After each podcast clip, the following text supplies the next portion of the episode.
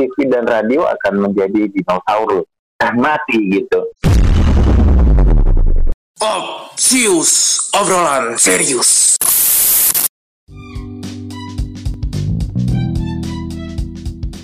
Obrolan Juko. Juko. Juko. Juko. Juko.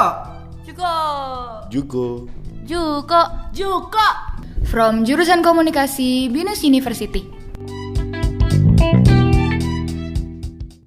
Hey hey hey, kembali lagi bersama saya Daniel Welfred dalam podcast Opsius, obrolan serius. Pada pagi hari menjelang siang ini, langit kota Tangerang cerah sekali. Lantaran banyak masyarakat yang sedang melakukan WFH atau work from home karena wabah pandemi virus corona yang semakin menjadi-jadi di tanah air kita tercinta ini. Hmm. Ya, kita tinggalkan dulu sejenak pembahasan mengenai corona. Ya pada pagi hari ini saya podcast nggak sendirian cuy. Saya sudah ditemani oleh Bapak Medo Maulianza selaku dosen ilmu komunikasi idaman mahasiswa. Ya, halo Pak Medo, apa kabar Pak? Kabar super baik. Puji Tuhan Pak. Kalau boleh tahu nih Pak, selain menjadi dosen ilmu komunikasi di Universitas Bina Nusantara, kesibukan Bapak lainnya itu apa ya Pak? Oh ya, selain jadi eh, dosen di eh, Universitas Bina Nusantara, saya juga eh, sebenarnya praktisi di media televisi. Wah, media televisi apa ya? Kebetulan nih Pak, saya semester 7 magang Pak. Ngomong-ngomong media mana ya Pak? Eh, saya di Metro TV. Oh alah, Metro TV ya Pak. Boleh lah Pak ya, saya semester 7 internship di sana Pak ya. Oke deh Pak, eh, kita langsung masuk saja Pak ke topik kita pada pagi hari ini Pak terkait konvergensi media. Eh, menurut Bapak arti dari konvergensi media itu apa sih Pak? Soalnya banyak nih orang-orang sekarang ini yang salah mengartikan konvergensi itu Pak. Boleh Bapak sedikit kasih penjelasan nggak Pak? Oke, konvergensi itu kan eh, bisa secara gamblangnya kita definisikan begini ya. Jadi eh, bisa penggabungan atau pengintegrasian media-media yang ada untuk digunakan dan diarahkan ke dalam satu titik tujuan. Jadi eh, bahasa gamblangnya adalah bagaimana dari media berbagai platform ini kemudian diintegrasikan untuk mencapai kepentingan yang sama.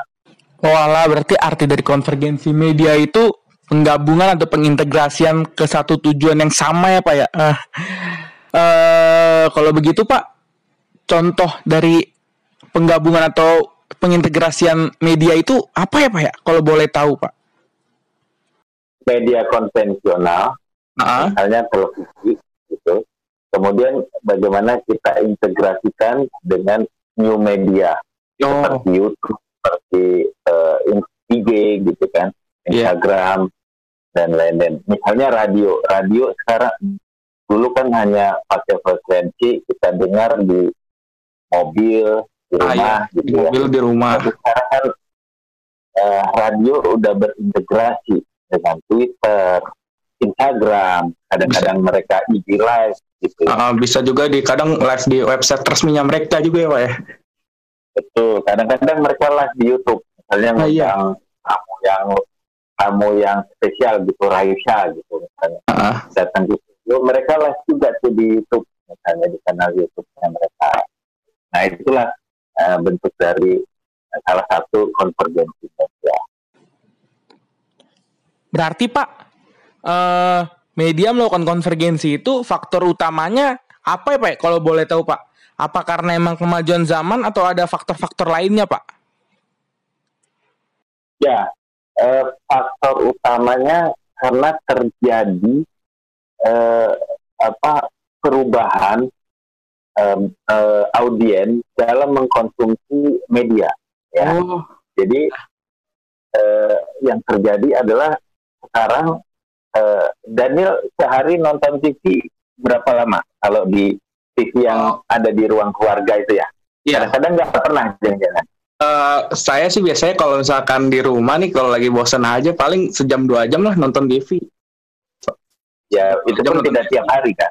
Hmm, Setiap hari sih enggak juga sih. enggak juga. Iya. Nah, karena terjadi eh, eh, perubahan pola konsumsi. Jadi Oh. orang mengkonsumsi ber- mengkonsumsi eh, media itu dari gadget, ya kan? Iya, dari Dari phone. gadget yang mereka genggam itu. Nah, mau nggak mau media-media konvensional ini, entah itu televisi, entah itu radio, itu harus mengikuti pola konsumsi itu. Kalau nggak, mereka TV dan radio akan menjadi dinosaurus, Musnah ya, akan, akan mati gitu. iya. Jadi mereka harus bisa menyesuaikan diri dengan pola konsumsi, apalagi anak-anak milenial sekarang. Iya, yang Jadi- seringan megang handphone gitu ya.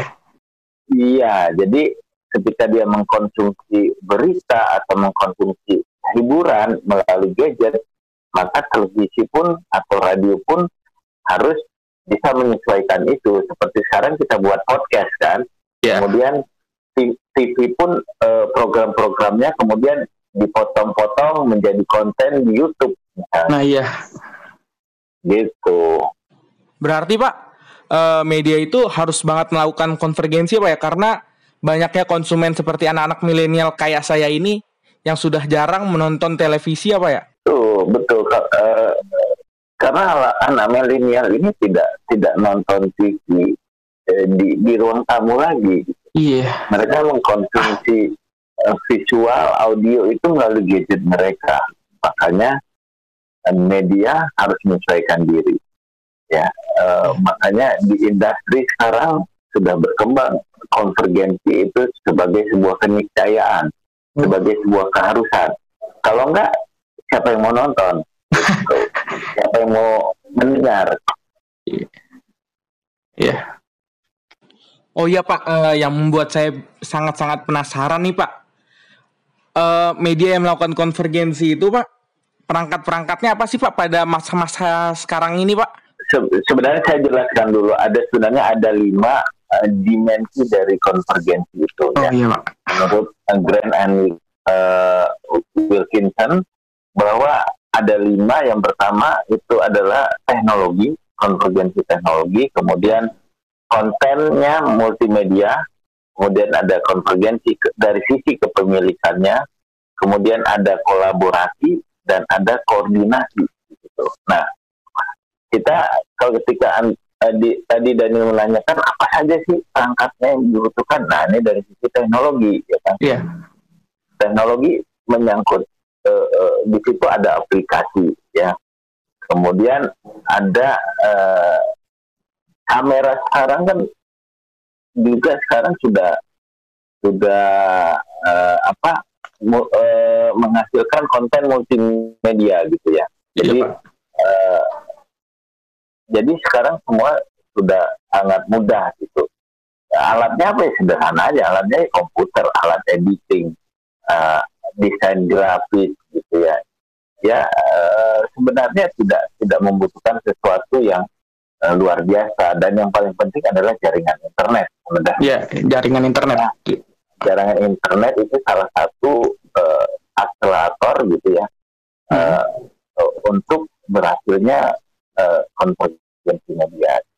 Jadi eh, ketika jaringan internet sudah stabil, terutama sekarang di kota-kota besar ya, jadi tidak ada halangan lagi untuk kita eh, berkonvergensi. Jadi bagaimana konten yang tadinya hanya disiarkan untuk TV, kemudian kita olah lagi, kita olah, kita eh, buat pendek-pendek gitu ya, kemudian kita upload di eh, di ke new media seperti untuk IG konsumsi satu menitan misalnya di YouTube ya lima menitan gitu. Nah orang banyak salah sangka ketika konten eh, di TV itu semuanya diupload kalau setengah jam ya setengah jam ke ke apa ke Ke YouTube, YouTube. gitu, Pak. Nah itu sebenarnya tidak pas juga. Jadi pola konsumsi eh, orang melihat apa menonton di YouTube itu biasanya tidak lama-lama dan mereka sambil mengerjakan eh, sesuatu biasanya kadang-kadang Iya. nyambi Nyambi nyambi juga. sambil ngobrol ya kan sambil Iya. ngopi dan segala macam Eh, sehingga kita tidak bisa memaksa eh, mereka pay attention gitu selama 30 menit ke eh, konten kita jadi makanya dibuat pendek-pendek dipecah gitu kalau setengah jam mungkin 5 menit 5 menit Berarti kalau misalkan 5 menit 5 menit kayak gitu berarti mirip-mirip kayak highlight ya Pak ya? Eh, bisa highlight gitu Ah. sebagai teaser tapi kalau mau buat eh, versi lengkapnya bisa juga tapi kita potong-potong per segmen gitu Oh. nah sehingga dia nontonnya bisa nyicil oh hari ini eh, sekarang nonton segmen satu dulu next eh, mungkin nanti istirahat jam 12 saya nonton segmen yang kedua gitu dan seterusnya gitu jadi kita harus menyesuaikan pola eh, pola dari eh, orang mengkonsumsi berita melalui internet apalagi tahu sendiri kan orang kita nggak semuanya eh, kuotanya full Banyak. gitu. dia, dia harus cari wifi gratis dulu gitu jadi kadang-kadang oh, kalau udah jam-jam eh, jam-jam prime gitu penuh ya agak lemot gitu kan Mhm. Nah, mungkin makanya kita tidak boleh terlalu panjang apa mengupload konten di eh, sosial media atau di media.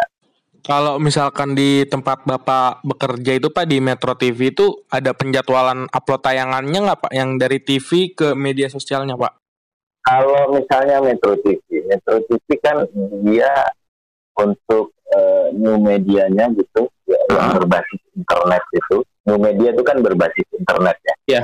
Nah, itu eh, dia bisa eh, ada di dua di dua platform apa di dua di dua channel. Yang pertama di websitenya metrotvnews.com. Ah. Setiap program-program unggulan itu pasti diupload versi fullnya di situ. Oh. Tapi tetap per segmen. Tetap per segmen ya. ya program satu jam it- eh, misalnya eh, prime time news gitu itu eh, di kita upload eh, 6 sampai 7 menit gitu ya Eh, segmen satu segmen dua segmen tiga gitu tapi kalau untuk berita-berita eh, pendek kadang-kadang kita per berita juga ada So, misalnya eh, berita tentang update corona hari ini Iya. kontennya hanya satu menit yaitu kita upload Nah, yang kedua kanalnya itu ada di YouTube-nya, channel YouTube Metro TV. Nah, kadang-kadang berkonvergensi juga dengan sosmed. Kita membuat promo di program-program unggulan itu kita buat promo eh, on air-nya itu di eh, IG. Oh, di IG Kita ya. buat promonya ya bisa berbentuk eh, digital banner, bisa berbentuk video juga. Jadi kita juga em, mau menggrab bagaimana eh, misalnya program unggulan Metro sekarang apa ya opsi opsi itu setiap hari Senin. Nah itu mulai dari hari Sabtu Minggu Senin kita udah bu- buat eh, media promonya itu di sosmed, baik itu di Twitter, baik itu di IG eh, dan media-media lainnya. Jadi bagaimana untuk menggrab eh, para penonton eh, mau menonton di eh, platform TV-nya. Kalau enggak, ya nanti setelah platform TV-nya selesai, ma di hari Senin, Senin malam malamnya atau Selasa pagi itu udah ada di platform YouTube. Eh, Bapak kan tadi kan sudah menjelaskan kalau konvergensi media itu wajib dan suatu keniscayaan atau keharusan ya Pak ya. Kira-kira ada nggak sih Pak dampak positif dan dampak negatif bagi media yang melakukan konvergensi media pada masa-masa saat ini Pak? Sebenarnya kan dampak positifnya lebih banyak lah tentu ya. Iya. Karena eh, sekarang eh, orang kalau nggak sempat nonton gitu TV dia bisa eh, tetap menikmati konten eh, kontennya melalui YouTube. eh, YouTube misalnya gitu ya atau kanal eh, kanal .com-nya gitu. Website Tentu, resminya. Bro, ya. Eh, ya, nah, eh, cuma ketika eh, yang jelas audien itu lebih lebih untung ya dari sisi audien. Nah, kemudian dampak negatifnya ada nggak? Sebenarnya hmm, ada juga, Ada ya. Eh, ada. Jadi eh, kalau sekarang kita lihat banyak majalah, kemudian tabloid gitu ya, itu yang sudah mati suri. Bahkan yang tutup juga sudah ada gitu ya, udah banyak. Eh, karena dia tidak bisa eh, apa menyesuaikan atau memang koran dan majalah itu tidak susah untuk menyesuaikan dengan era konvergensi ini, ya kan? Ah. Dalam hal kecepatan misalnya Oh, kalau eh, koran itu kan sebenarnya berita kemarin Iya, yang berita kemarin. hari ini Iya. yang kita baca hari ini gitu kan Iya. nah sementara media online itu sudah tiap jam memberitakan update-nya gitu Paling Jadi, up to date lah ya. Iya dia ketinggalan dari sisi kecepatan informasi. Baru kita ngomong koran apalagi tabloid yang mingguan apalagi yang majalah gitu kan. Nah Iya, makanya banyak akhirnya yang yang tutup. Itu dampak negatifnya gitu. Dan kemudian eh, eh, ada ada satu kasus misalnya eh, salah satu televisi ya saya nggak perlu sebutin namanya gitu. Misalnya dia menyasar eh, eh, eh, penontonnya anak muda gitu. Eh, Ya. di di di eh, YouTube eh, viewersnya banyak gitu ya. Ah, karena anak muda nontonnya YouTube. Tapi kemudian dari sisi rating di di TV-nya itu nggak Ya. berhasil. Oh, dan cenderung eh, iklan juga tidak masuk gitu. Karena iklan di TV dia melihat rating dan share iya. rating dan share di TV akhirnya apa yang terjadi ya mereka bleeding susah membiayai operasionalnya. Padahal di YouTube-nya viewersnya lumayan di antara TV-TV lain mungkin dia yang paling eh, bagus gitu kan acaranya banyak yang viral dan segala macam. Tapi di platform TV-nya plat, eh, ininya jeblok. Karena apa karena dia membidik anak muda anak milenial anak milenialnya tidak nonton TV yang konvensional. Tapi dia nonton eh, konten yang ada di YouTube Internet. misalnya Seringan ya nonton di inilah internet. kira-kira eh, ya apa plus minusnya konvergensi ini tapi ya tetap harus dilakukan Tetap harus ya, Pak, ya? media sebagai industri harus tetap melakukan Kalau Dan- misalkan ada media yang nggak mau melakukan konvergensi, berarti mau nggak mau media itu harus mati apa gimana Pak tuh? ya jadi dinosaurus Mati berarti. Iya. Nah, gitu. Karena kalau sekarang kan eh, di daerah pedesaan mungkin orang eh, internetnya belum bagus dan eh, mungkin eh, apa? Jaringan belum ada lah ya. jaringannya belum stabil ya. Ah, ya mungkin orang masih menikmati televisi konvensional sebagai eh, cara dia mengkonsumsi media ya masih pakai TV dan radio konvensional. Iya. tapi next kalau di pedesaan jaringan internetnya sudah bagus, ya sudah Sudah stabil ini, kayak di nanti- perkotaan ya Pak ya?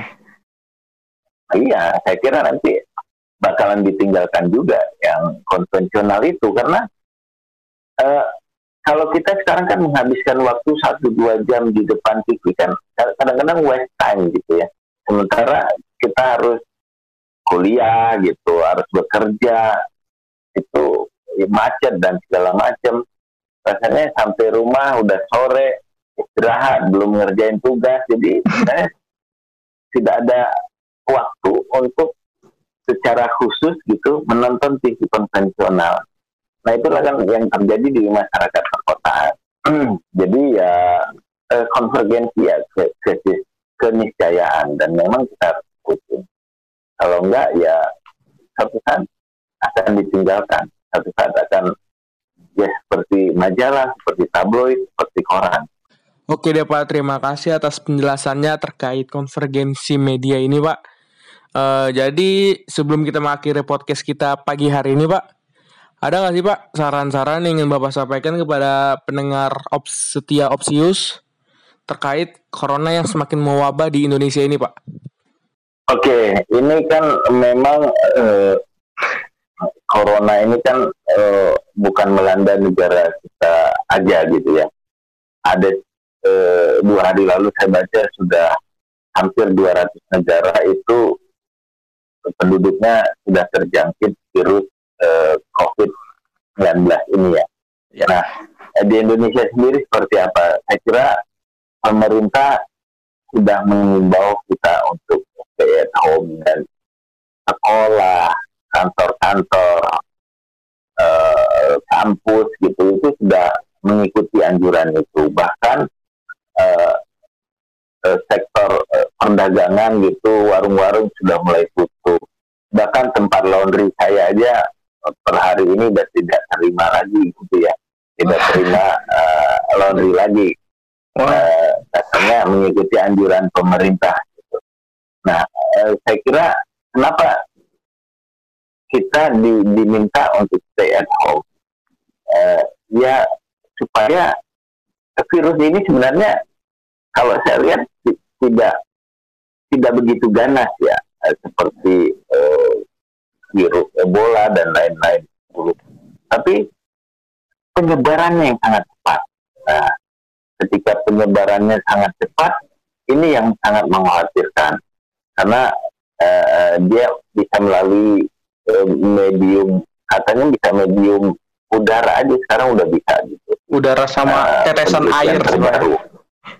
Ya, nah makanya eh, kita menghindari untuk kontak. Kalau tingkat kematiannya kan rata-rata di dunia itu tidak sampai lima persen yang terjangkit dengan yang eh, kemudian meninggal gitu ya. Ah. Tapi kalau yang terjangkit banyak kan akhirnya lima persennya jadi banyak gitu. Jadi saya kira kita ikuti aja eh, imbauan pemerintah untuk eh, tetap di rumah. Kalau nggak penting-penting aman, usah keluar gitu. Ya boring ya pasti gitu. Tapi banyak yang hal positif yang eh, bisa kita ambil gitu. Kalau saya bilang ini dunia lagi mencari titik keseimbangan baru. Dulu yang kita hidupnya hedon, suka nongkrong sana, suka nongkrong sini. Coba kita akhirnya disuruh di rumah. Kita dekat lagi dengan keluarga.